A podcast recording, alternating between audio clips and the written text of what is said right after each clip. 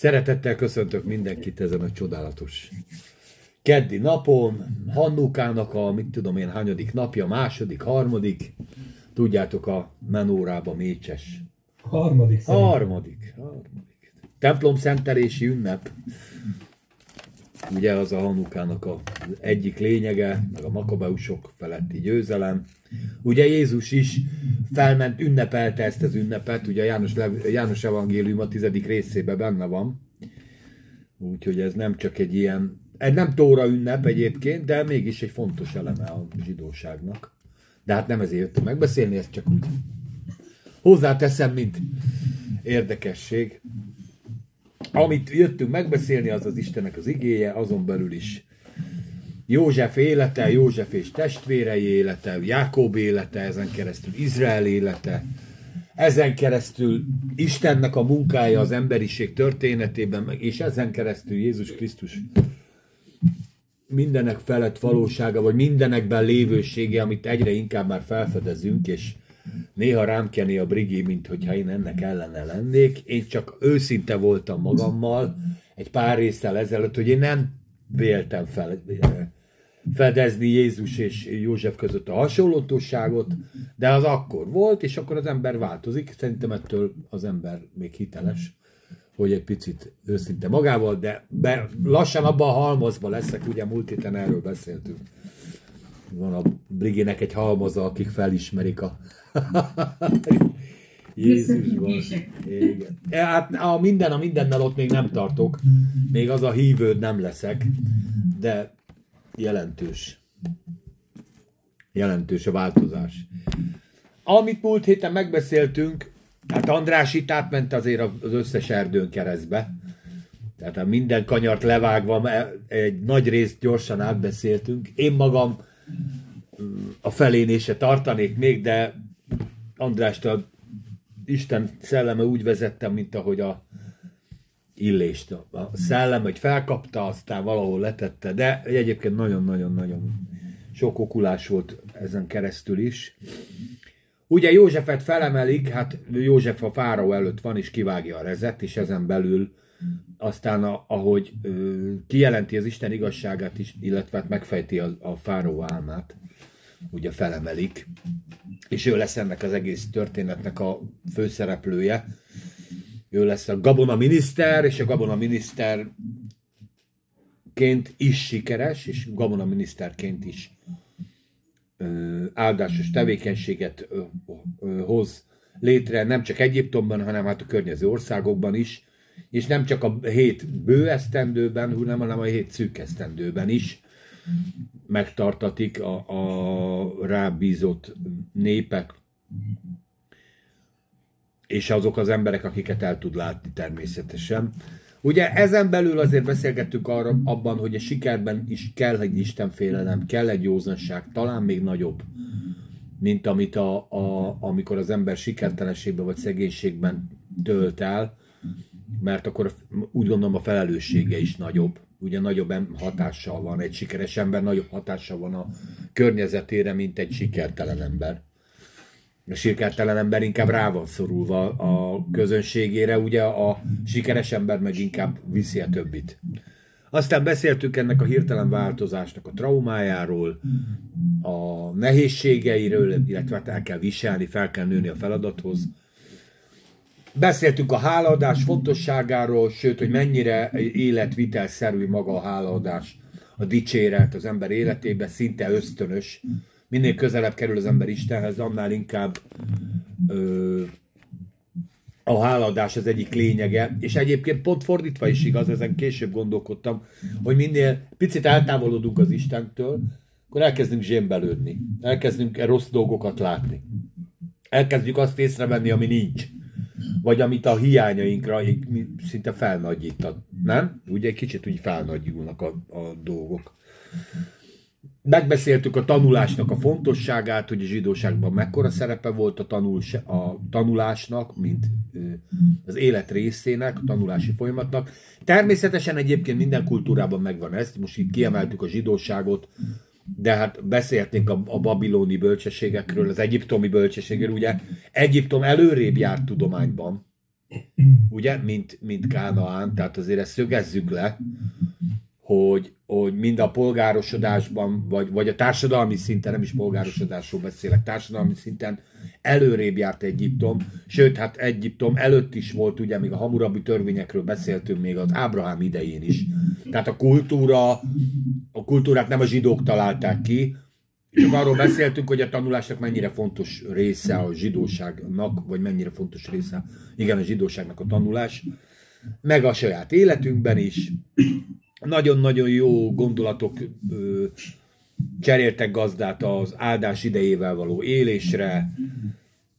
Az első hét éves tervet beszéltük meg, ugye Andrásnak az egyik arany köpése volt ez. Ez még a, az ős múltból volt, ahol rendszeresen kellett András, még emlékszünk az öt éves tervekre és azoknak teljesítésére. Aztán beszéltünk a névadásról, és ugye itt megakadt a, a, a fonal, mert Csaba megígérte, hogy még erre térjünk vissza, mert a gyerekek névadása és az ezzel kapcsolatos ö, nézetei Józsefnek ö, többet ér, mint egy-két mondat, úgyhogy én abszolút ennek helyet is adok. És hogyha megengeditek, akkor most, és hát köszöntelek titeket, Csaba, Timi, Brigi, András, Tamás vagyok, jó magam, és várjuk majd a többieket is, hogy akkor most nem az Isten igényének a felolvasásával és a következő szakasznak az elolvasásával, hanem ennek a megbeszélésével kezdenénk.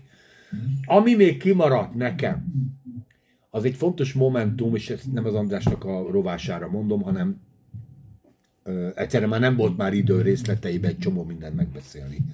Mert akkor szerintem, ha tényleg mindent részletesen megbeszélnénk, akkor a múlt heti rész máig tartana, nem? Hát gyakorlatilag nagyon sok kiállás lehetett volna benne, hogy Józsefnek is megváltozott a neve. Ugye erről nem beszéltünk, de szerintem ez egy nagyon fontos tényező, hogy Józsefet nem Józsefnek hívták Egyiptomba. És nagyon nem Józsefet hívták, Picit beszéltük arról, ugye, hogy a... Tessék? Valaki szólt? Vagy csak így? Aha. Ö, arról, arról egy-két szót ejtettük, hogy azért ő beházasod, be, beházasodott a, a napisten papjának a családjába, ugye hát a napisten pap, papnője volt a felesége, egyrészt jó fejre házasodott, hát nyilván ott a kultúrát is átvette meg. Hát valamilyen szinten majd a vallást is, és erről majd még beszéljünk részletesen, hogy ezt, ezt hogy, hogy lehet ábrázolni, mert ugye van egy serleg, majd valamikor lesz egy serleg, aminek jelentősége lesz, és hát az egy kultikus serleg. De majd, amikor eljön az idő, ez szerintem nem ma lesz, ez talán az elkövetkezendő hetekben. Csaban, tiéd a szó! Egy hete forrunk benned egy olyan dolog, ami fontos, hogy megbeszéljük. Hogyha jól emlékszem, arról volt szó, hogy ugye József felkerül, óriási hatalommat bír, megszervezni a gabonaraktározást, városonként kidolgozza az infrastruktúrát, mindent, szóval fantasztikus hatalmat kap, beállja egész Egyiptom földét, és az volt volna a kérdés, hogy miért nem ment el Kánaánba egy kicsi meglátogatni a szüleit, hogyha már felszabadult a börtönből, és meg volt volna a lehetősége. Ugye ez volt a kérdés, hogy miért nem ment el meglátogatni a szüleit. Hát több kérdés is volt, bőven, de ez is egy fontos kérdés volt a végén, igen. Én erre reagáltam volna, csak mondtam, hogy már nincs idő. Hogy miért nem ment el meglátogatni a szüleit, pedig ez egy nagyon fontos dolog lett volna. Biztos ő is elképzelte, hát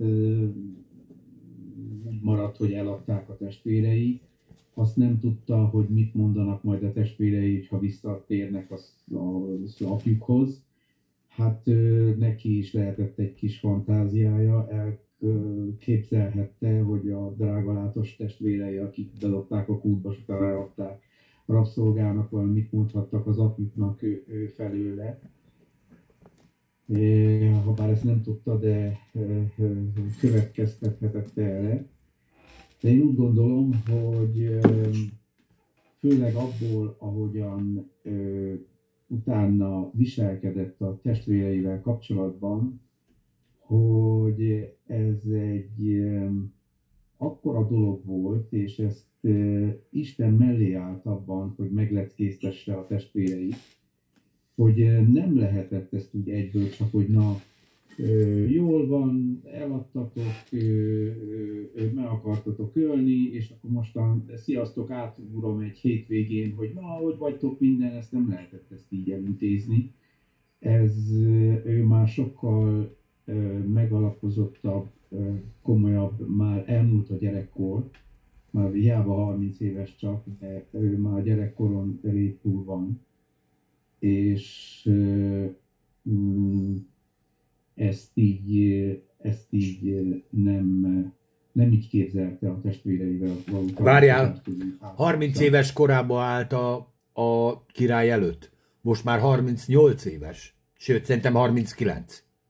Hát, Mert ugye eltelt a 7 évből esztendő, valószínű igen. akkor nem éheztek a ö, ö, judabeliek sem. És akkor még eltelt szerintem egy vagy két év, nem Andris? Tehát azért biztos, hogy volt egy, az éhínség után ö, jöttek ők oda, tehát... A harmadik évben jöttek oda, azt írja. Ez igaz. Igen, az év, tehát ez már akkor 40 éves volt.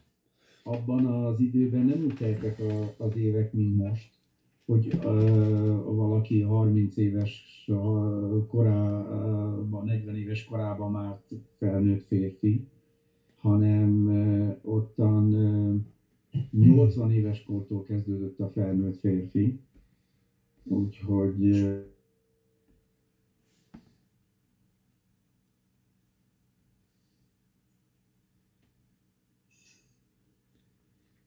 Most Csend királyt játszunk, de én már természetesen megbuktam. Nem dőlünk be a Csabának. Hát persze, hogy nem.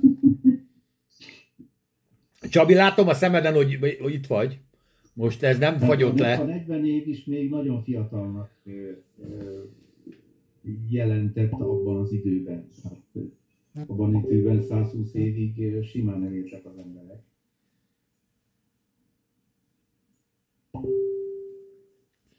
Persze.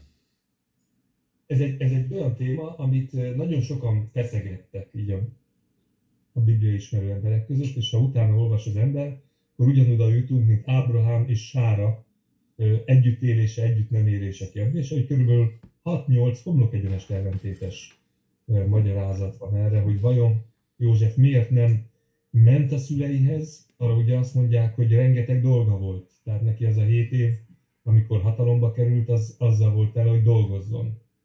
Aztán van, aki azt mondja, hogy ő olyan annyira szellemi ember volt, hogy ismerte Ábrahámnak azt az ígéretét, amit Istentől kapott, hogy 400 évig menet, jövevény lesz azon a földön, de aztán majd hazatér, tehát ő, ő teljesen erre ráállt, és akkor majd, majd lesz valahogy. Én viszont leginkább nekem azt tetszik, amit a Tamás mondott múltkor a Manasszénak a név elnevezés, a névadásakor, hogy ő ki volt a családjától igazából, teljesen ki volt bukva a családján, és valamilyen módon a testvérei elutasítását az édesapjára is ráhúzta, ő nem tudta, hogy mit gondol róla az apja. És amire Csaba is utalt, hogy azért a következő fejezetek arról szólnak, hogy ő egymás között szólva jól megszivatja a testvéreit. Többször csúnyán átveri őket, csőbe húzza, szorongatott helyzetbe kerülnek ők a, a Józsefnek a trükkjei miatt, és akkor derül ki, hogy igazából nekik a mai napig bűntudatuk van. És szerintem József szívből megutálta a családját, meg a múltját, és eszeágában nem volt előkeresni a, a dolgokat. Ezzel szemben vannak olyan rabbik, akik azt mondják, hogy olyan ellenem élt benne az az álom, amit gyerekkorában kapott, hogy azért nem ment sehova, mert tudta, hogy úgyis eljönnek majd és leborulnak elé a testvérei, meg a szülei. Úgyhogy erre mondom, hogy nagyon sokféle magyarázat van, sokan keresik ennek a, a furcsa helyzetnek a, az okát, hogy miért nem üzent az édesapjának, hogy ő él, miért nem kereste meg a testvéreit, stb. stb. Mi van, most érted, most hibáztassuk egy picit Jákóbot, csak egy picit gondolkozzunk el rajta, lányok, ti is. Hogy mi van, ha az, az van bennem, hogy miért nem kerestetett meg engem az öreg? Abszolút, persze, ez is benne van. Miért, miért nem talán jöttek oda a zsidó kémek, emberek kérdezősködni, éle ez az ember, vagy nem él ez az ember? Miért kell egyből mindent elhinni, ott a ruha, meg ott a vér? Biztos, hogy oké, okay, minden. Már nyilván azért e, egyértelmű volt a, a, a Jákob előtt a történet, de mégis a József lejátszottott egy ilyen, hogy ő, ő ugye nem tudta, hogy halottnak nyilvánít, tehát már volt egy temetése. József nem tudott a véres ruháról. Azért mondom, akkor, mi, akkor ő benne élhetett egy ilyen vágy, hogy az apja miért nem keresteti meg. Igen. Ő nem tudott elmenni, mert ő ugye rabszolga volt, és utána meg sitten volt. Tehát ő egy, egy 10-12 évet maximum csak arra várhatott, hogy jöjjön egy képeslap ö, zá, ö, izére. Érted? Ha még, ha még a véres ruháról tudott volna is, nem tudott. hogy a modern krimiben hogy van, nincs holtest, akkor a, a, nem bizonyította a halál. Na, többet, látod, András, többet kéne krimit nézned, mert akkor ilyen... ilyen... Elnézést, elnézést, műveletlen vagyok. Komolyabb akciófilmekben azt mondja a főgonosz, oké, okay, elhiszem, hogy meghalt a főhős, keressétek meg a hulláját. Pontosan. És akkor megnyugszom. És ilyenkor szoktak eltűnni az egyébként mellékszereplők, mert természetesen a főhős mindenkit kinyír. Na mindegy. Hát mint a József. Átvitt értelemben. Igen. Tehát én mondom, én, bennem ez, ez, ez így lejátszódott, hogy, hogy ő talán az apjára ezért ágált be, hogy itt vagyok lentibe a katonaságban, egy darab rohadt képes lap nem jött a három év alatt, másfél év alatt. Tehát akkor nem örömmel jövök haza, akkor kivár engem, hogyha mi csak arra se gondoltak, hogy csomagot ne küldjetek, jó, szegények vagytok. Bár azért annyira nem. De egy lapot lehetett volna küldeni. Vajon arra gondolt József, hogy a, kiindult abból, hogy őt a testvérei eladták rabszolgának, hogy, hogy ezt megmondhatta az apjának? Hogy hát a Józsefet eladtuk, és akkor ki tudja, hol van valahol rabszolga? De persze, simán benne van ez is. És akkor ebbe az öreg beletörődött. Hát akkor jó van. Legalább kitanulja a szakmát. Igen kitanulja a rabszolgasság szakmát. Hogyha megnézitek azokat a jeleneteket, amikor a, a testvéreik el, elmesélik, hogy, hogy mi történt többiekkel, meg édesapjukkal, úgy tűnik, hogy ez teljesen újdonság erejével hatott Józsefre. Tehát ő meglepődött azon, hogy a testvéreik még mindig 12-nek számolják magukat, és a leltárban ő is ott van, mint egy eltűnt. Hát vagy nincs többé, ugye, az van ott az eredetibe, de igen, de hát azért benne van a leltárba. Ilyen csodának mondják el egyáltalán, érted? Tehát azért őket ez emésztette. És ráadásul egy idegennek, ugye, mert, mert ugye se a nevét nem tudták, ugye Józsefnek más a neve, nem is egy nyelvet beszéltek, ugye majd tolmácsként vagy, de nagyon előre mentünk. Most hát, egyelőre csak... Nehéz beszeletelni úgy, hogy okokat keresünk, és akkor úgy csinálunk, mintha nem tudtuk volna, hogy van még... Egyébként persze, persze, persze. Jó, csak egyelőre az alaphelyzetet szeretném ö, így tisztázni, hogy Józsefbe dúlt az indulat. Hát az a Manasszé, az nagyon sokat elárul azért. Dúlt az indulat, és ugye ezzel fejeztük be a múlt heti részt, hogy érted négy-öt napi járóföldről beszélünk, és ezért a hét év alatt nem volt egy, egy hétvégén, hogy átmenjek. Hagyjuk már. Főleg, hogy én vagyok a második ember. Én elhiszem, hogy nagyon sokat kell dolgozni, mindenkinek arra van ideje, amit akar, hogy legyen ideje. Ki küldhette volna az egyik emberi? Hát vagy egy komplet gárdát, és akkor áthozom a fotert a... Hogy megnézze, hogy mi van velük, hogy kikopva. Sámersegbe elhozom a, a tengerpartra, a szállodámba, négy napot az öregék ott el vannak, én fizetem az all-inclusive szállodát, és beszélgetünk négy napig.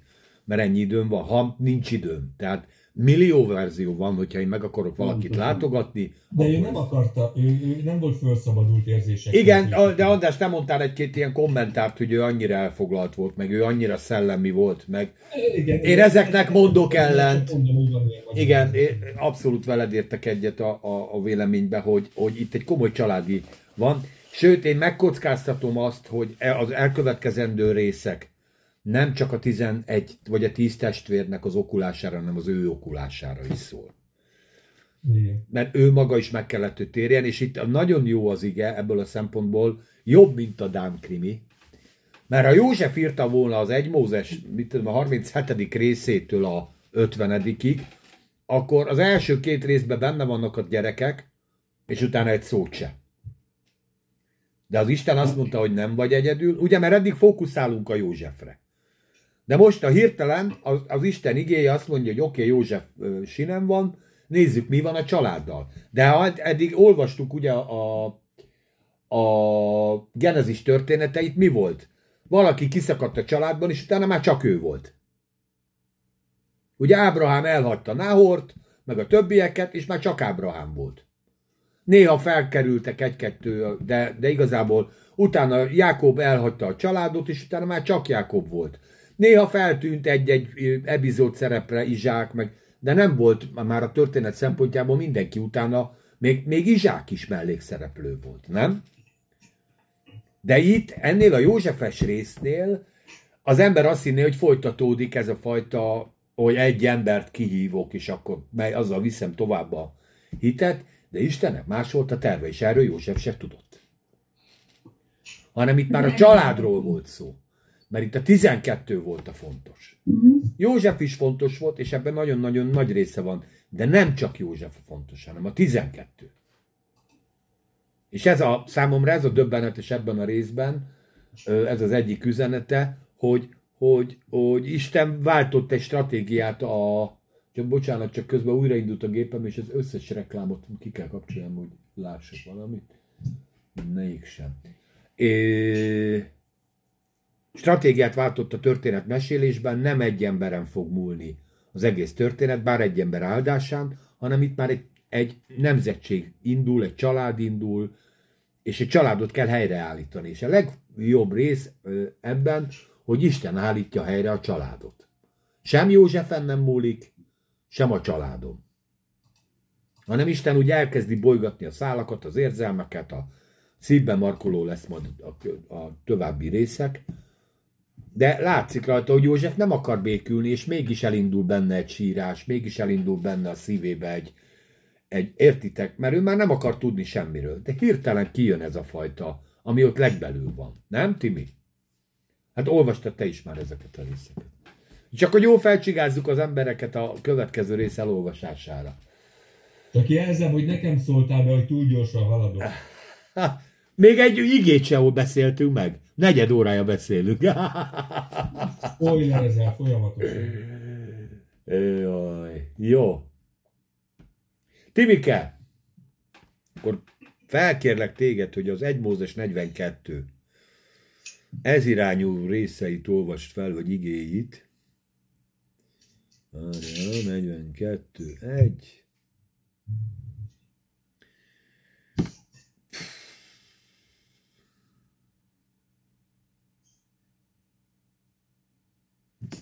Hatig.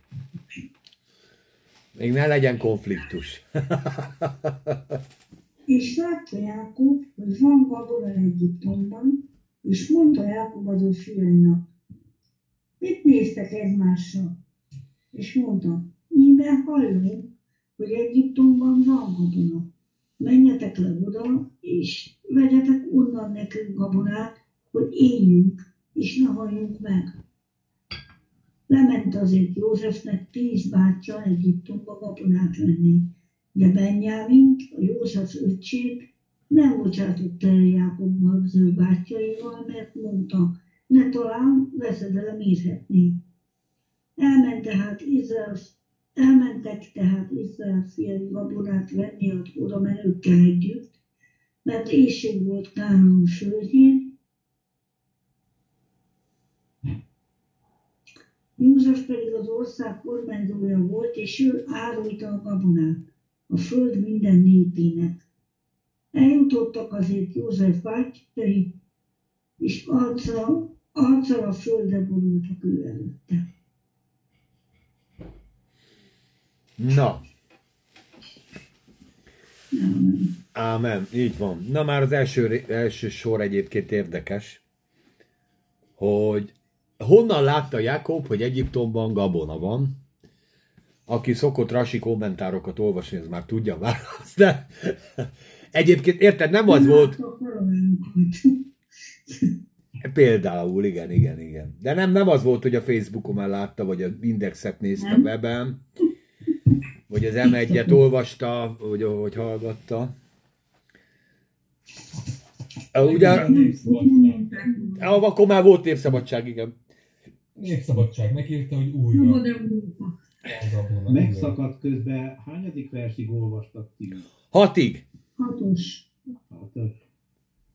Jó, azt gondoltam, már tízest is olvasták. Aha. A, ugye a, a zsidó kommentárokban főleg a Rasi azt írja, hogy Jákobnak lett egy látomása, hogy ö, a fáraó gabonát árul. És ugye hát Ő otthon... egy, ő egy kabalista, azért azt mondd el, Tamás. Nem véletlen, hogy, hogy mindig ilyen szuper szellemi magyarázat. Szuper szellemik a magyarázata, igen.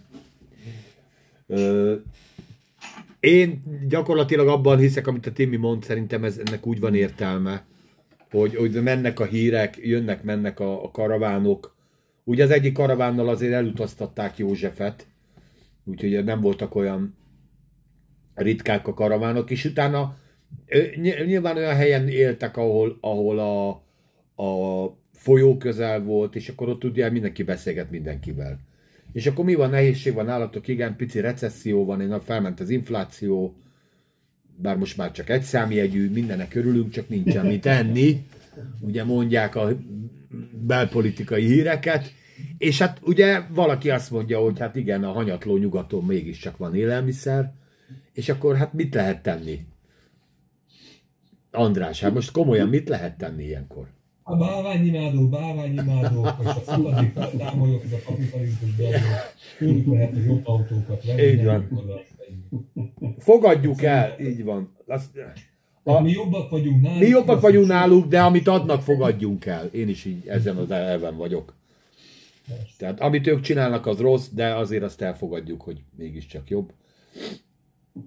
És akkor elküldi a, ugye a gyermekeit. Egyébként ez, hogy, hogy ez is egy nagyon érdekes, ami megfogott engem, hogy ö, azt mondja, hogy mit bámuljátok egymást, ez ugyanaz a kifejezés, mint amit József mondott a fáraónak, hogy mit bámul, mit, mit, miért nem tudjátok a, a, a megoldást. Tehát ez ugyanazokat a, ilyen, ez egy ilyen Héber szójáték, most nem tudom ezt lefordítani itt a kommentároktól, de ott egy ilyen szó, ö, szóvic van, vagy egy most már magyarul inkább azt mondom, hogy egy slanget használ, amit csak a, a kánaániak ismertek. Tehát ott ez egy ilyen szó, szóhasználat van. Ugyanígy van a fiúkkal is, hogy na mit bámoljátok egymást. Egyébként mikor szokták az emberek bámulni, amikor tanácstalanok, nem?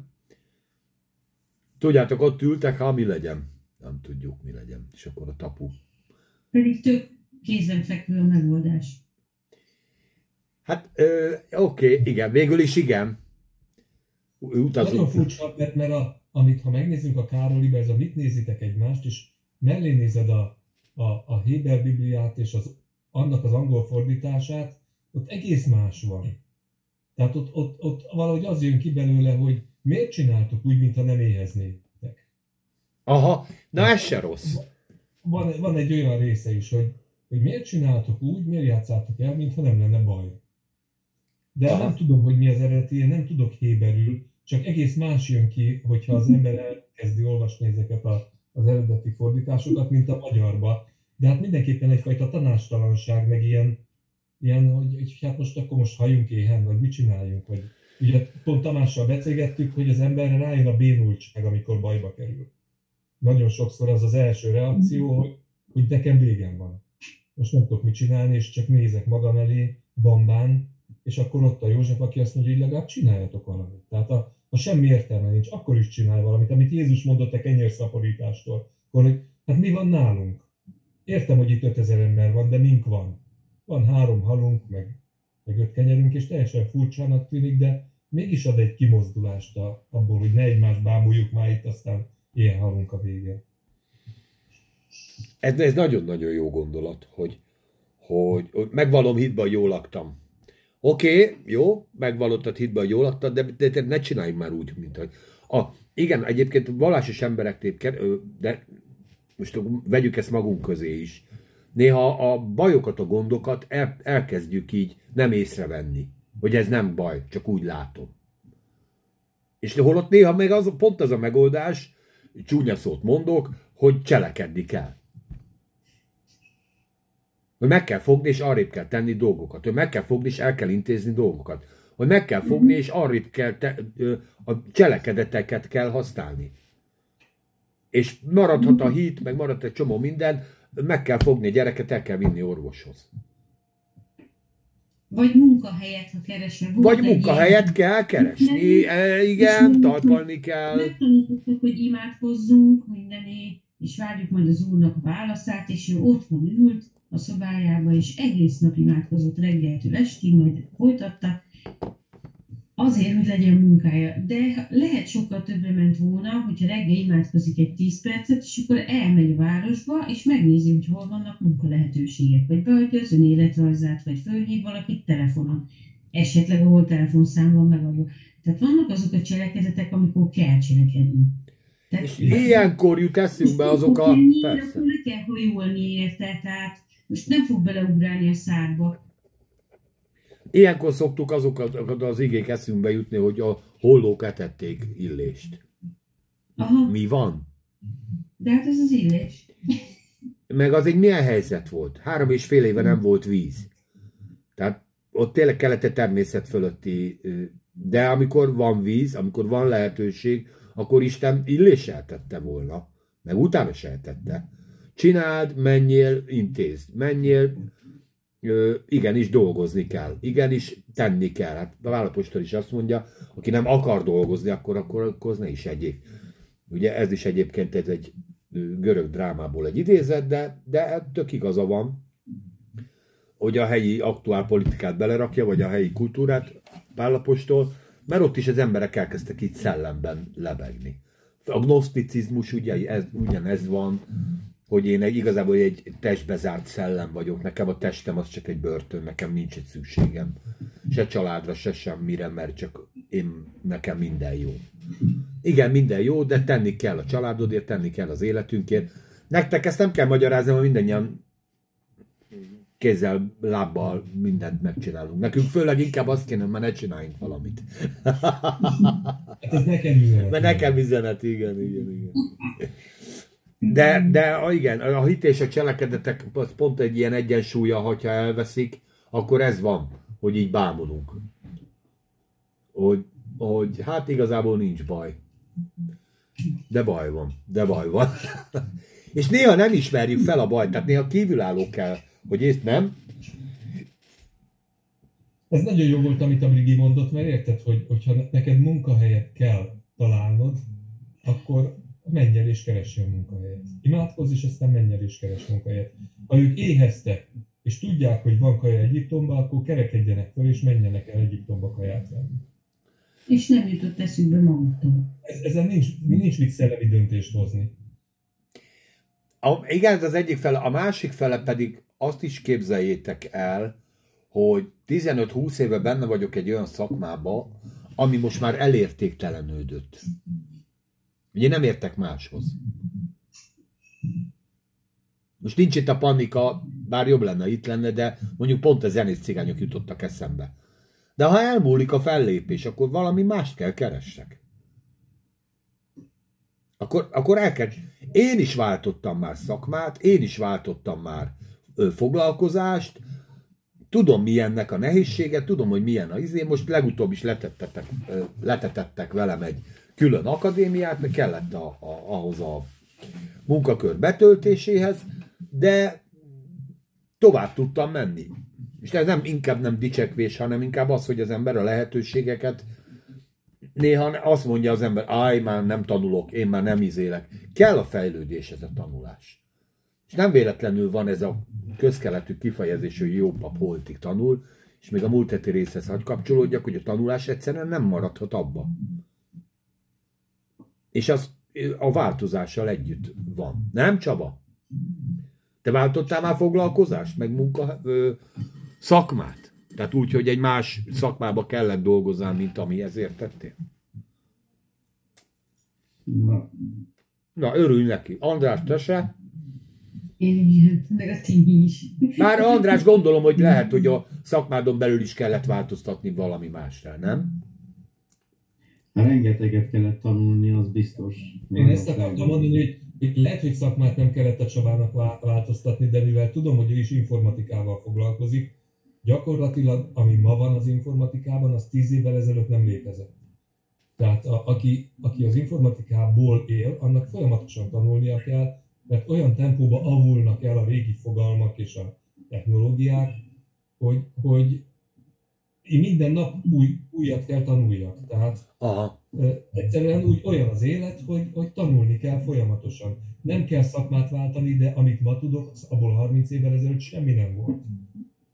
Semmi nem Persze, volt. persze, persze. Ma is tudom, hogy így van, mert beszélgettünk már szakmai dolgokról, hogy, hogy a taxiórához képest a- ma mi van, robottechnika van, amivel a Csaba foglalkozik. Persze, de autóiparban ugyanez van.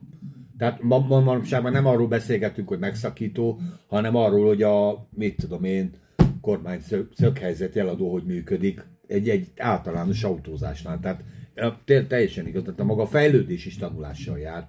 Ma már nincsenek olyan autók, mint régen voltak, persze. Azért kell sokat tanulni, mert olyan új kütyük jelennek meg, amelyek sokkal olcsóbbak és sokkal többet tudnak, mint ezelőtt pár évvel.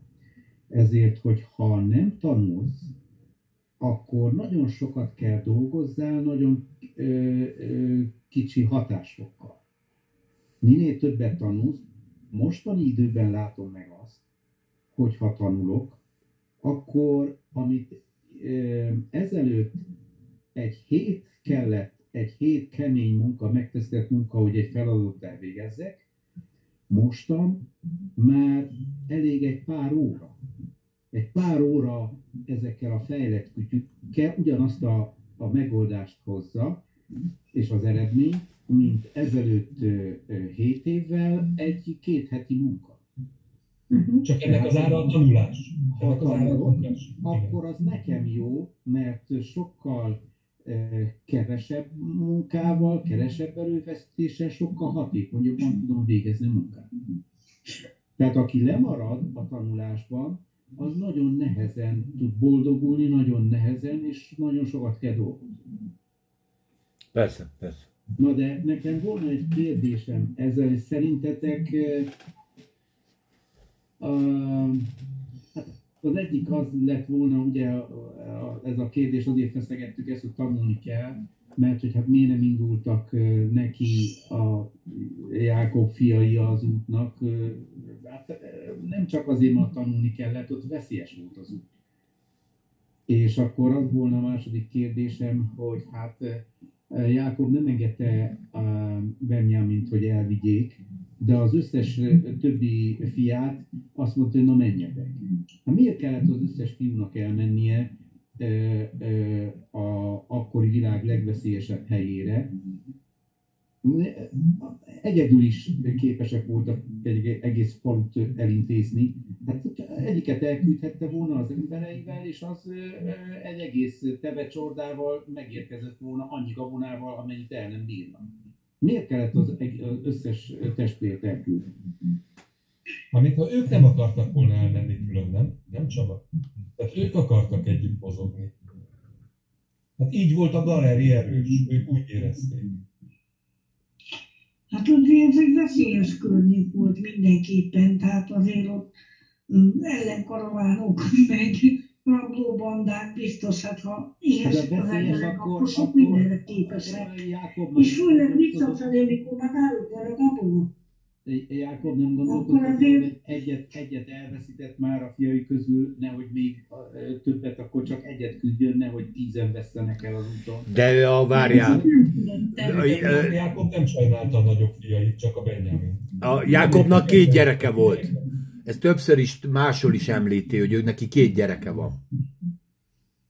Borzasztó, borzasztó ezt kimondani. Mert, mert most már nem kettő van, hanem több van. Tehát a jött a többi, ö, ö, hogy mondjam, kölöncnek, különcnek, gölöknek, de azok is ott vannak, most már azokról is kell gondoskodni. Jó, de most képzeld gyerekét. hát azt mondja, hogy elvesztettem az egyetlen egyemet. Ha ezt is elvesztem, akkor teljes búban bánatban vagyok. Ezt mondja tíz gyerekének, aki ott állnak, hogy apu, segíts, mit csináljunk. Itt már, itt, itt, itt én, már, én már itt az öregségét azért belerakom. Tehát ha nekem ilyet mondott volna, mit tudom, ez a 10 vagy 100 éves apám, vagy 90 éves volt akkor még a fater, talán 100 körül, akkor hát a demensem papa, hát ilyen. Jó van, hagyd mondja, nem? De ő egy életvitelszerűen utálta a gyerekeit, tehát azért mondjuk ezt tegyük már hozzá. Ő csak a Ráhelnek a gyerekeit szerette, és ugye amikor oda lett a József, akkor a minden majom szeretetével ő a Benjaminra rácuppant. Igen. És lehet, hogy a kis Benjike már úgy volt, hogy már csak engem is elvinnének rabszolgának, bár ezt még ő akkor nem tudta. Tudod, amikor már 28 évesen is még az apu ölébe ülsz, és még lovacskáztat, akkor azért már az kellemetlen tudod, tud lenni, szerintem. Nem enged ki a mezőre játszani, mert hogy kicsi vagy. Igen, kicsi vagy, még nehogy elvigyen a farkas, mint a bátyádat, és akkor... Hát ez nehéz. Hát azért nem volt százas a Jákob sem, az, az egész életében nem volt. Hát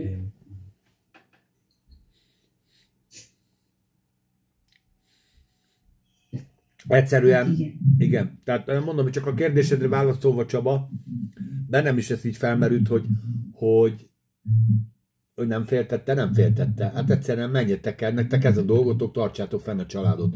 Tehát nem egy embert ne tartsa fenn a családot, hanem az azért vagytok gyerekek, hogy tartsátok fenn a családot, vagy a népet, vagy a többiet. Tehát ugye azért már többen vannak. Hát figyeljetek, kell a táp az állatoknak. Az állatok fontosabbak, mint ez a tíz gyerek. A Benjamin maradjon itthon. Végül is erről van szó. A gazdasági vállalkozásnak mennie kell, a családi farmnak működnie kell.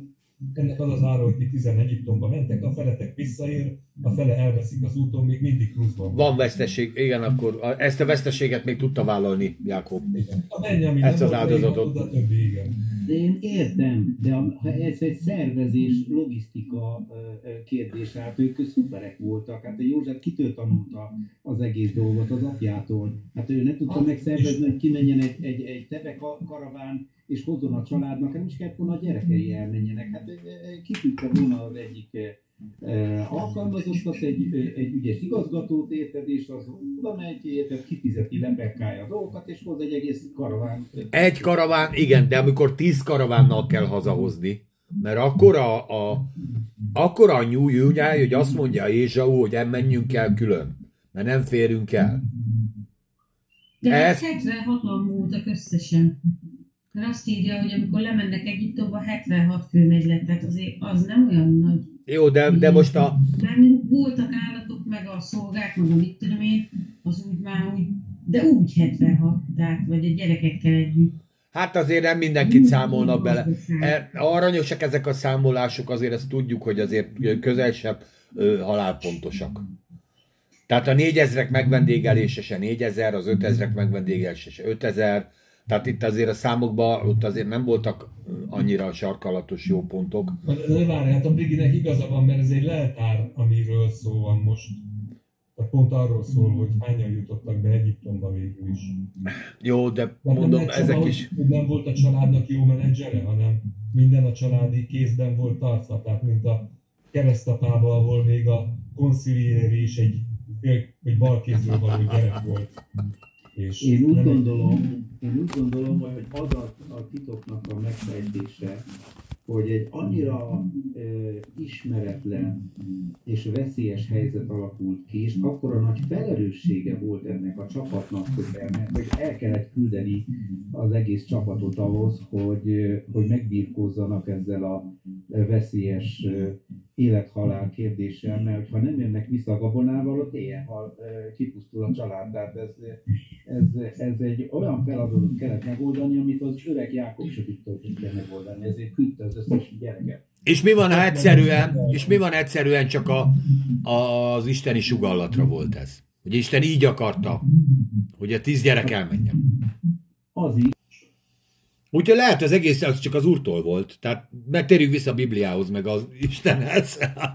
Most milyen kis izé lettél. Ezek együttműködnek mindig. Szerintem pont erről beszéltél te korábban, hogy, hogy mindig valahogy Isten terve előre halad az emberi döntések mentén is. Meg Igen, igen, igen, igen, igen, igen.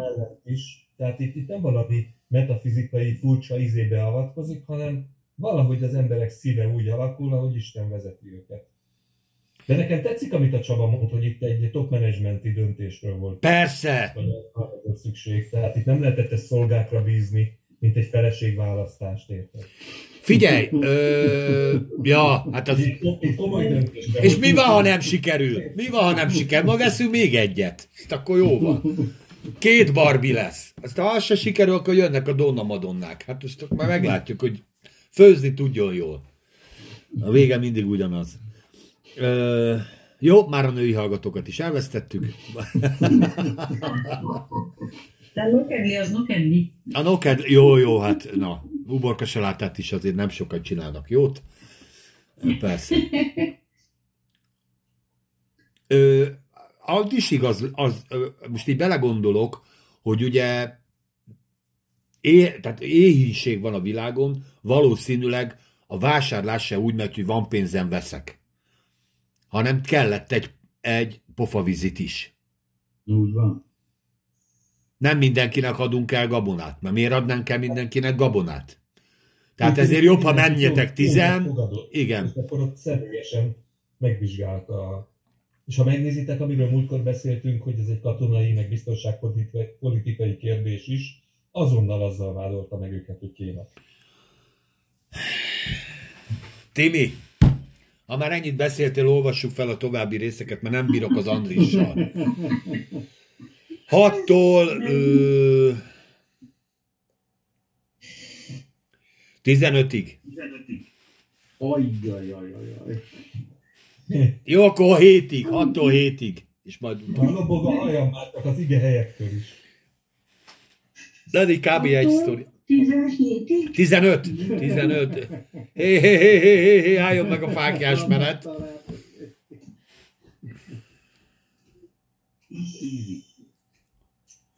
Várjál, tudod mit? Igen. megismerte őket, de idegennek mutatta magát hozzájuk, és kemény beszéddel szólt nekik, mondván, honnan jöttetek? Azok pedig mondták, Kánaán földjéről jöttünk eleséget venni. Megismerte pedig József az ő bátyait, de azok nem ismerték meg őt. És megemlékezett József az álmokról, amelyeket azok felől álmodott, és mondta neki, kémek vagytok. Ti azért jöttetek, hogy az ország néptelenvét szerint meglássátok. És mondta neki, mondták neki, nem uram, hanem ellenséget venni jöttek a te szolgáid. Mi mindnyájan egy ember fiai vagyunk. Igaz emberek vagyunk. Soha nem voltak kémek a te szolgáid. És ismét mondta, nem úgy van, hanem azért jöttetek, hogy az ország védetlen részeit meglássátok. Azok mondták, mi, te szolgáid, tizenketten vagyunk testvérek, egy embernek fiai. Kánaán földjén, és íme legkisebbikünk most atyánknál van, egyikünk pedig nincs meg.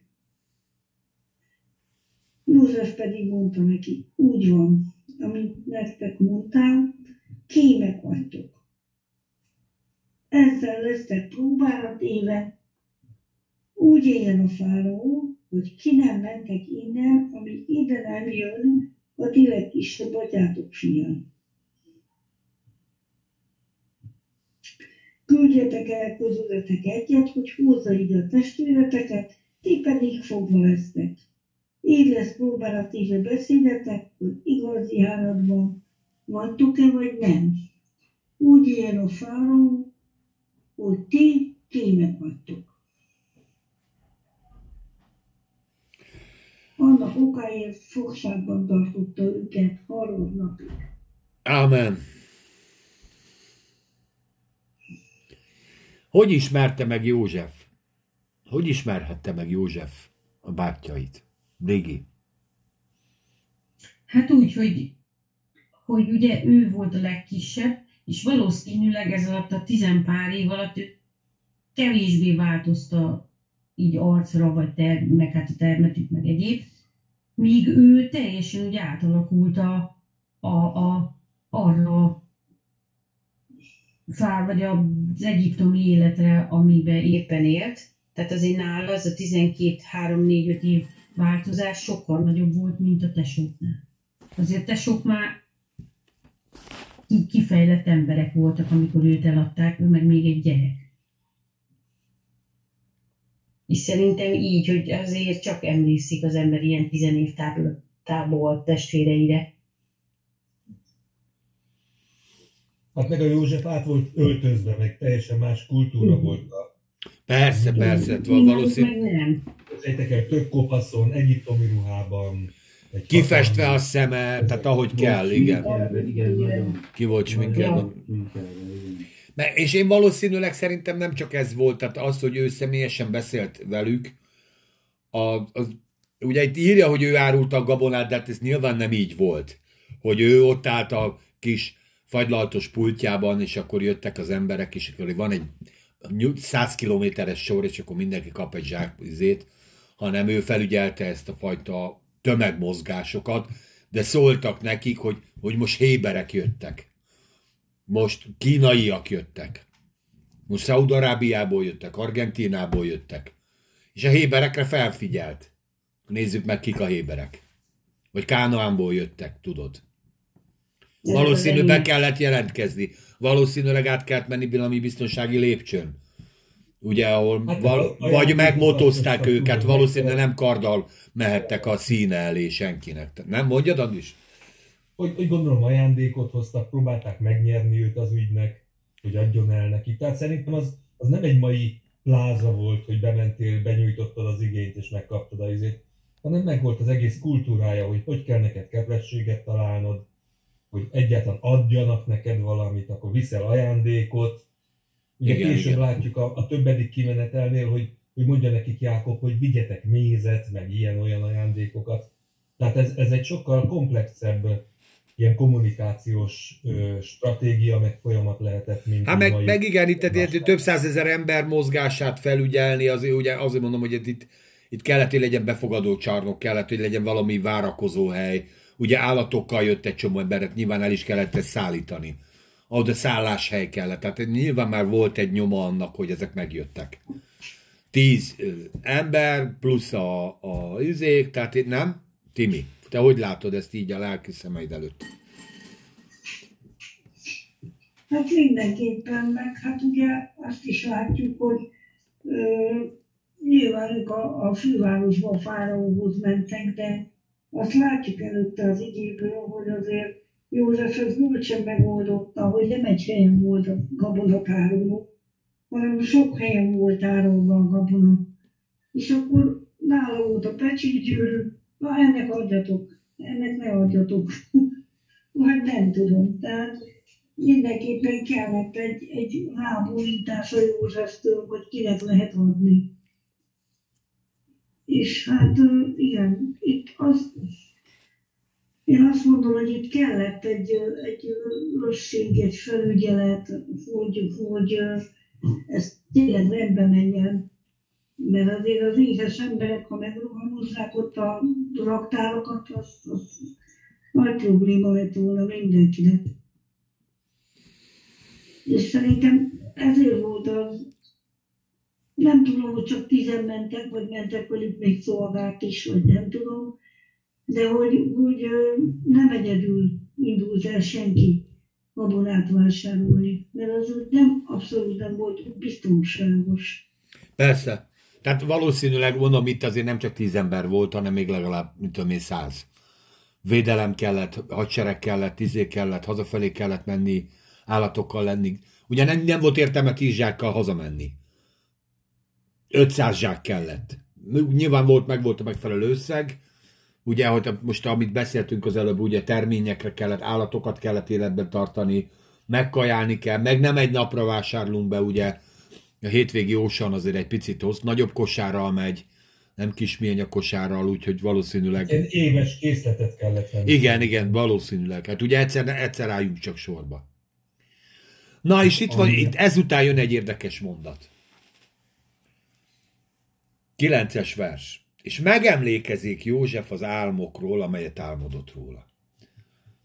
Itt e- e- egy másik fordításban az, az hogy ismét felébredt benne ez az álom, mint amit álmodott. Tehát eszébe jutott. Ellentétben egy millió egy ilyen prédikációval, amiben én belefutottam, hogy József egész életében ezeknek az álmoknak a hatása alatt volt, és egész ezek az álmok az ő életét minden nap látta ezt az álmot, és ebben, ebben az álomban való hitben járta ki a sittet, stb. stb. Biztos hallottatok már ilyet. Szó nincs erről. Egy, Andis, parancsolja. Aztán majd folytatom. Pontosan ezen gondolkoztam, most jöttem haza pingpong edzésről, amit, amit mondasz, hogy, hogy amikor mi olvassuk a Bibliát, mindig hajlamos az ember azt elhinni, hogy előtte, akkor a mi életünk előtt heroikusabb emberek éltek, ilyen elvontabb, szellemi emberek éltek a fenéket. Ugyanolyan emberek éltek, mint mi. Engem is a mai megélhetésem érdekel, és nem azon jár az agyam, hogy ezelőtt tíz évvel milyen kijelentést kaptam az úrtól, nem élni szeretnék, meg akarok élni. Viszont visszamenőleg meg az emberek olyan magyarázatokat találnak ki, amik ilyen eltávolítják a régi ö, hithőseit a hétköznapi élettől. József sem volt elvont ember, ő is csak simán élt. Ő akart reggelizni, akart ebédelni, élni akart, béké, békében akart élni, a gyerekeivel akart élni, tehát nem szabad eltávolítani egy szuperszellemű magyarázattól a teljesen hétköznapi sors, sorsú embereket a, a későbbi embereknek a megértésétől. Tehát ezt, én azt gondolom, hogy József simán élt normálisan, ő nem az álmaiban élt, ő a hétköznapjaiban élt. Így van. Nem felejtette az álmait, de nem az, nem az mozgatta. Őt a hétköznapi valóság mozgatta, és adott esetben megemlékezett arról, mi történt. Én úgy gondolom, hogy a, hogy a, a Manassé az pont erről szólt, hogy, hogy végre már elfelejtettem ezt a, az egész ízét. Tehát igazad van, ő nem egy mitológiai hős, mint ahogy, bész, ahogy beszeretnék állítani egyes emberek. És a mai napig beszélgetek nagyon aranyos kegyelemmel, teljes keresztényekkel, ezeket az embereket úgy fel lehet húzni ezzel a fajta ilyen gondolkodással, mint amiről most mi beszélünk, hogy ezt nem tudjátok elképzelni. Az oroszlán bajszát ö, ö, könnyebb meghúzni, mint em, em, em, komoly keresztény emberekkel, hogy miért mondok ilyet, és ugye egyébként is ez tök idegesítő, hogy ellentmondok a Bibliával, mert minden, hogy ezek az emberek már szellemben láttak mindent előre, hátra, oldalt, vissza. Nem, nem, hanem tényleg, amit mondasz, elviszem a Ef- Efraimkát meg a Manaszét a játszótérre, és nekem ez, ez a mai nap itt a vége. Hazamegyek az anyucival, megnézzük a naplementét Sámerségbe, és kész. Mert elég volt már a többi emberből. Ő neki akkor jutott eszébe, hogy van ez az álom, amikor leborultak előtte a gyereket. Igen, és én szerintem, akkor beugrott, lehet, hogy az Istentől volt, hogy beugrott, mert ő már ezt már teljesen kitakarította az agyába, hogy na, fiam, József, na most lásd meg, hogy mit álmodtál 30 éve. Bocs, Timi. Vagy Brigi.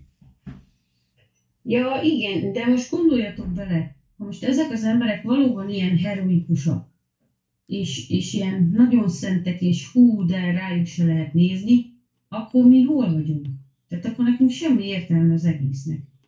Akkor mi olvassuk. Tehát akkor mi soha nem fogunk felérni hozzájuk na sose leszünk olyanok, mint ők. Pedig ez egy hülyeség, mert ők pontosan ugyanolyan voltak, mint mi. Tehát ugyanazokkal szenvedtek, ugyanazokkal küzdöttek, ugyanúgy győztek. Tehát mind, minden dolguk, ami történt, ami ide le van írva, ugyanúgy csinálták, mint mi most.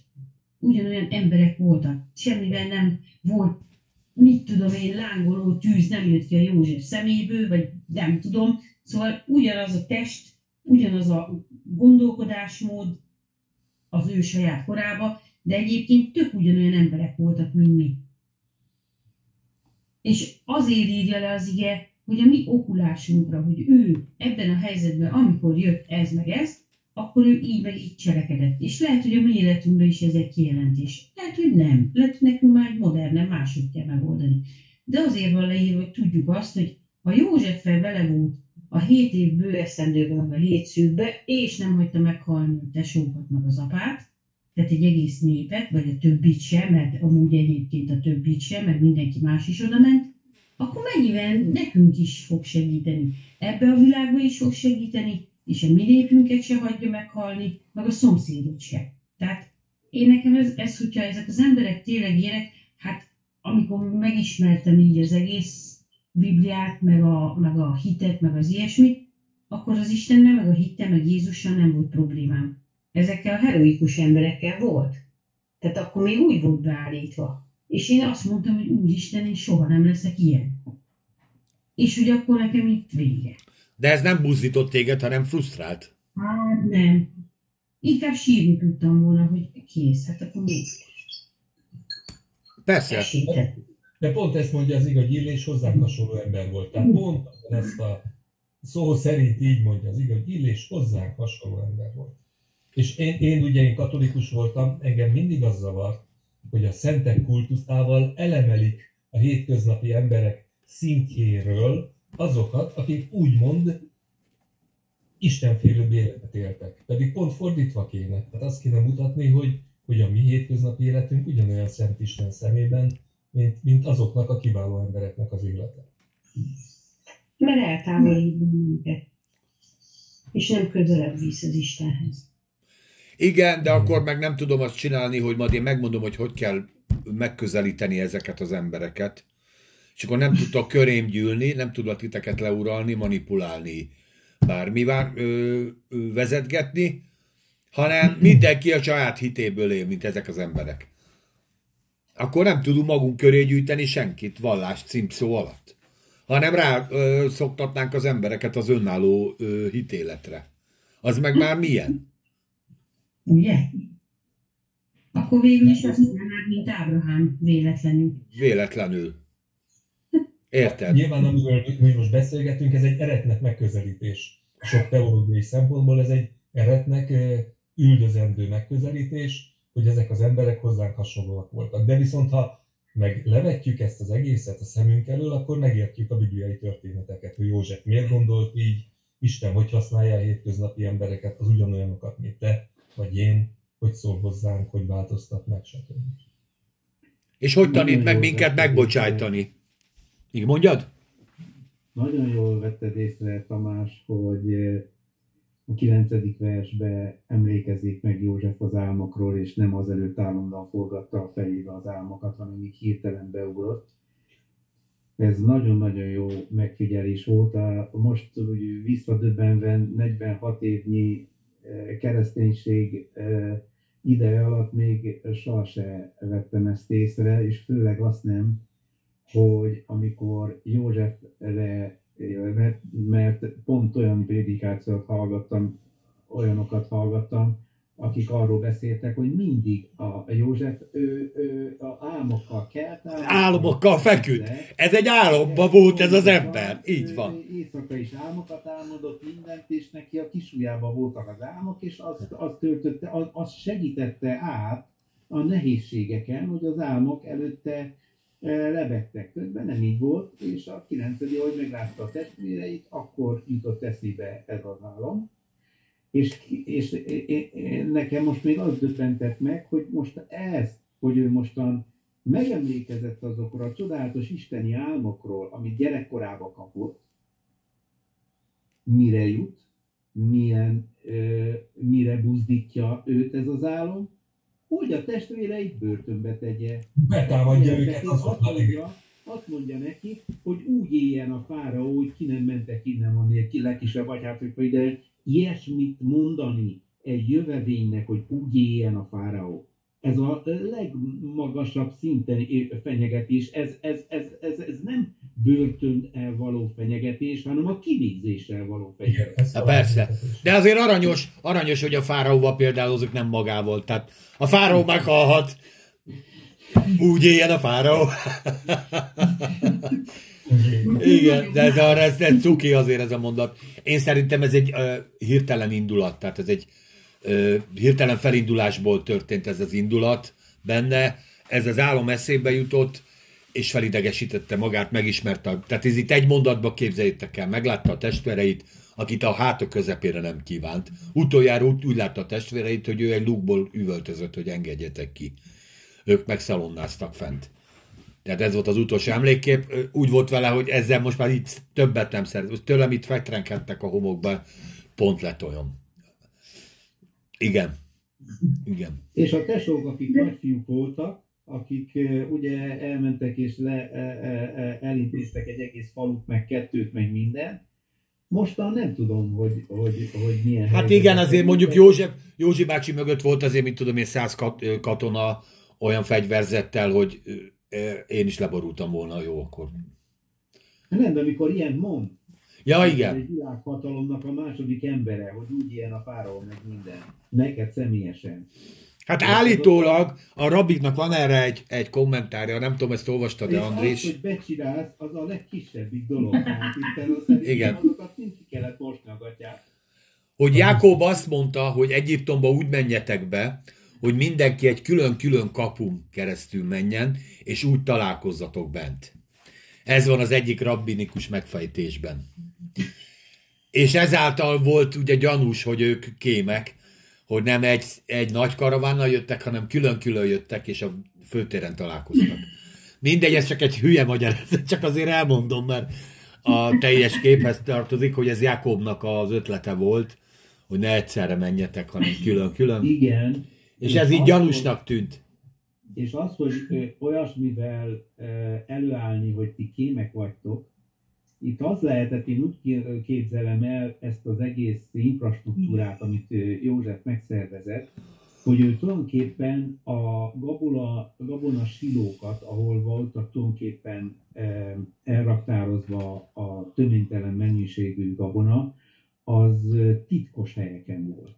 És azok, akik jöttek, hogy ne lehessen azokat kilabolni és el, el, el, el, kifosztani Egyiptomot, az, azok egy más logisztikai helyen voltak, és akkor mondták nekik, hogy na kaptok tíz zsákkal minden, és oda vitték nekik. És nem, ők nem volt szabad elmenjenek azokra a helyekre, ahol vannak ezek a gabonasilók elrejtve. És hogy azt mondani ezekben az időkben, hogy kémek vagytok, az, a, az egy valós és nagyon komoly dolog. Hát nyilvánvaló, hogy ott a, aki kém, ugye az a többiek biztonságát is veszélyezteti. Tehát ez a legnagyobb ö, izé volt, nem káromlás volt, hanem ez a legnagyobb ö, vád volt akkoriba. Érted? Hát mi, mi lehet rosszabb, mint ha soros ügynök lennél? Hát ennél rosszabb nem lehet például ebben az vannak ilyen térségek, vagy bármi más. De most képzeljétek el, hogy, hogy egy ilyet betámadnak, és akkor na védekezzé. Hát mi nem vagyunk azok, ez volt az egyetlen egy védelem, nem? Hogy mi nem vagyunk azok. Mint ha most egy moszkvai vacsorán azt mondaná neked mosolyogva Putyin, hogy te egy ukrán vagy. Igen. És akkor védekezzél. Bizonyíts be, hogy nem. Igen. De már itt fél szemed a gulágon van, mert legjobb esetben ott végzed. Azt mondják neked, hogy te soros iskolába jártál. Igen, hoppá! Na, kezdődik. Jó van, kezdődik. Úgyhogy, na. És ugye egy olyan ember mondja dühösen, akinek a szavát ugye nagyon nem lehet megkérdőjelezni. Most mit lehet tényleg azt mondani Putyinra, hogy azt mondja, hogy kém vagy. Nem vagyok, jó. Igen? Oké. okay. Én ugorjak ki az ablakon, vagy, vagy, vagy később kiesek. Véletlenül. Megcsuszom a lépcsőn. Meg, az úgy jó, de jó lesz. És közben bekapok egy, egy héliumos tablettát, vagy egy, a, egy izotópos tablettát gyorsan bekapok, hogy biztos legyen a dolgom. És elvesztettük a fél orosz közt. Igen. Nem voltak orosz hallgatóink, amerikaiak, viszont most megnőttek. Ért, tudjátok mi az érdekes? Hogy a másik érdekes, amit még észrevettem, hogy mivel bizonyítják az ártatlanságukat. A családdal. Tehát most hozzák elő, hogy Senki nem kérdezte, hányan vagytok testvérek, senki nem kérdezte, kik vagytok, mik vagytok, hanem, hanem csak ö, bejöttek, ti kémek vagytok. Ez az első mondat. Kösz szépen. De hát mi csak búzáért jöttünk, kémek vagytok. Tehát, és akkor eljön egy ilyen izé, szóváltás. Nem, a szolgái 12-en vagyunk, Kánoán földjén, íme a legkisebbünk. Atyu, apu, apunál van, a, utána következő, ez majd meghalt. Ugye a, a Károli úgy mondja, hogy nincsenek meg. Itt az eredetiben nekem úgy tűnik, hogy azt mondja, hogy már nem él. Ö, teljes képzavar, hogy ez miért jön ki, de valószínűleg ugye már nem volt mit mondani. Ez is, ebben is látom az Istennek ezt a, ezt a fajta a megközelítését, hogy, hogy Jákobnak, vagy Józsefnek a szívére ezekkel a mondatokkal lehetett hatni. Akaratlanul. Tehát ne ő se tudta, hogy a Benjikét azt mondjuk, hogy Benjike él, Benjike jól van, csak otthon van. József meg sajnos meghalt, és sajnáljuk, meg lehetett még pár mondat, azért szíven ütötte. Tehát ez, ez az ember a háta közepére nem kívánta a családját, tehát ezt már nem eleget beszéltünk. És De valahogy a szíve elindult. Mondjad? Figyeltétek, hogy az ige azt mondja, hogy itt közösen nem mondja meg az ige, hogy ki válaszol közülük. Igen. Hogy mi, a ti szolgái 12-en vagyunk, hanem azt mondja, hogy az amazok mondának. És ők mondták közösen együtt, hogy az egyikünk pedig nincs meg. Ez ahhoz hasonlatos, mint amikor a samaritánus asszonynal beszélget az Úr Jézus, és mondja, hogy menj és hozd e, ide a férjedet, hogy is történt, és azt mondja, hogy hát e, e, nincs férjem. Nincs férjem, és hogyha jól mondát, hogy nincs férjed, mert öt volt, és ez amelyik most pedig nem férjed. Ez pontosan így jön ki most.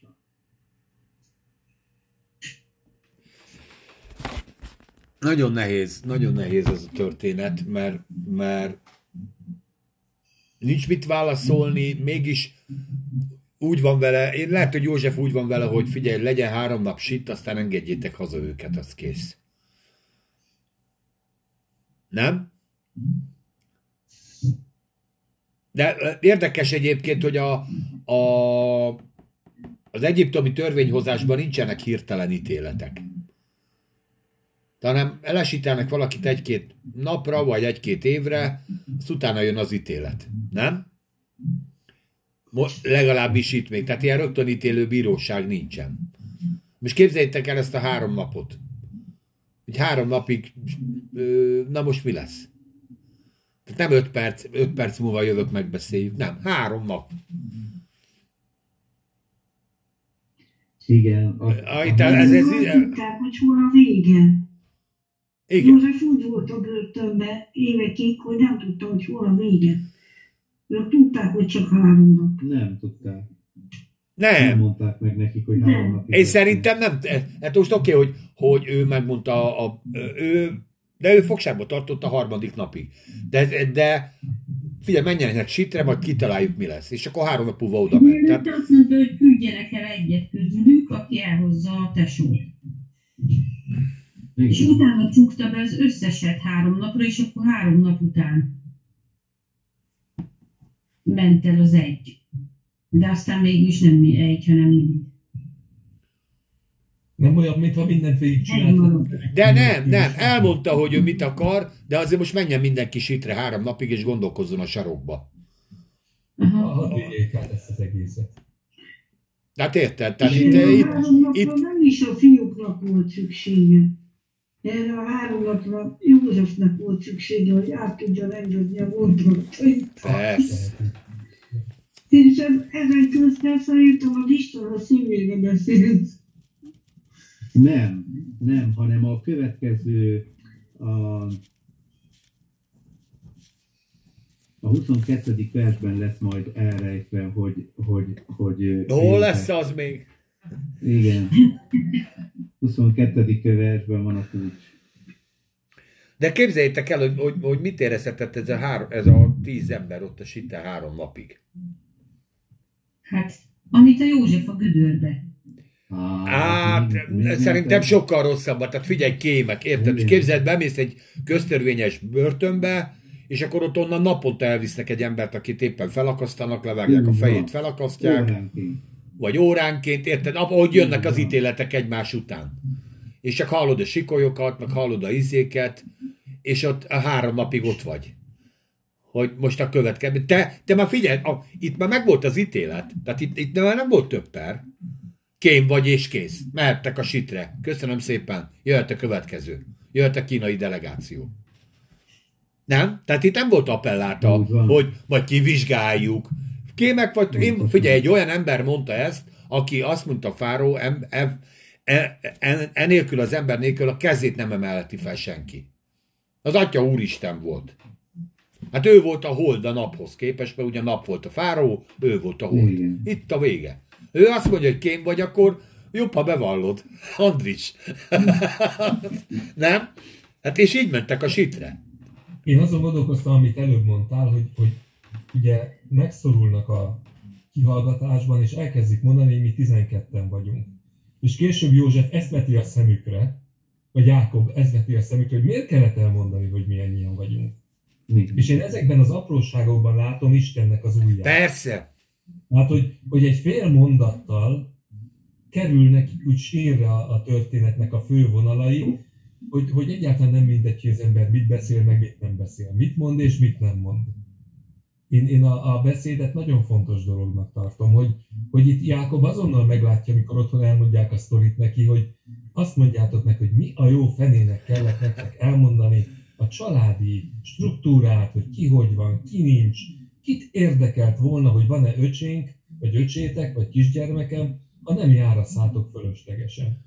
És ugye József pont abba tudott belekapaszkodni, és azzal tudta horogként becibálni az egész családot Egyiptomba. Tehát, hogy, hogy olyan apróságokon múlik Istennek a munkája, ezen nem érdemes görcsölni, inkább csak érdekesség. Persze, de ez egy hullám, amire felülsz, és még megy, halad. Kész.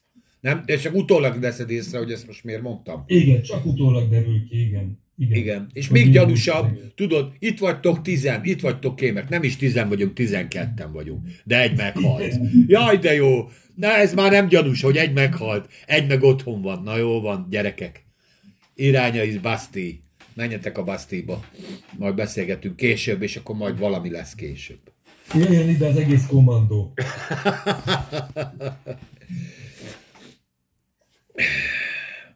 Gyerekek, egy óra ö, 20 perce beszélgetünk, 17. Én azt mondom, hogy a következő csörtét, ezt el a három napot várjuk meg a jövő héttel kapcsolatban. Bőven van mit ezen gondolkodni, felgyorsulnak az események, és egy izgalmasabb, nem mint eddig nem azok lettek volna. Ugye arról beszélgettünk, hogy József miért nem látogatta meg a szüleit. Jakobhoz miért nem ment át? Szabadság, nem volt idő, az álmaiban élt, annyira szellemi volt, hogy csak magába volt elfoglalva, vagy akkora vezető volt, hogy nem volt ideje, től kezdve többféle megoldásunk volt, de úgy látom, hogy azért itt a, a beszélgetés végére azért egy picit ugye ö, kialakult az, hogy Józsefnek a képe valahol nem erre, nem erre koncentrált, hogy a család volt benne. Beszéltük a hit és a cselekedetekről, a tanulásnak a hatékonyságáról, hogy mennyire hatékony, ha valaki aktuálisan tud dolgokat. Mennyire hatékony az az ember, aki napra kész dolgokban, és sosem szabad feladni, mindig lehet fejlődni, és minden szakmában lehet fejlődni.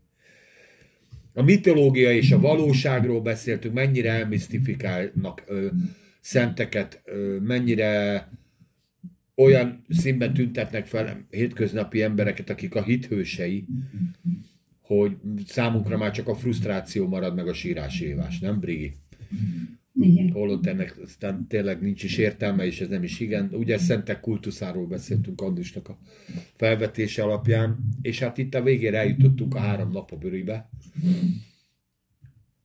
Meg, hogy miért voltak kémek a kémek. És hát én nagyon-nagyon szépen köszönöm nektek a beszélgetést. Igen, úgy érzi az ember, hogy még volna mit beszélni, de én azt mondom, hogy azért hagyjuk félbe, mert most van az a szünet, amikor még abban tudjuk hagyni, amikor nem egy óra 50 perc lesz egy rész, hanem jövő héten is tudjuk folytatni ezt. Köszönöm, hogy, meg, hogy ha meghallgattak minket, és nektek megköszönöm az együttműködést. Sziasztok! Sziasztok! Hello.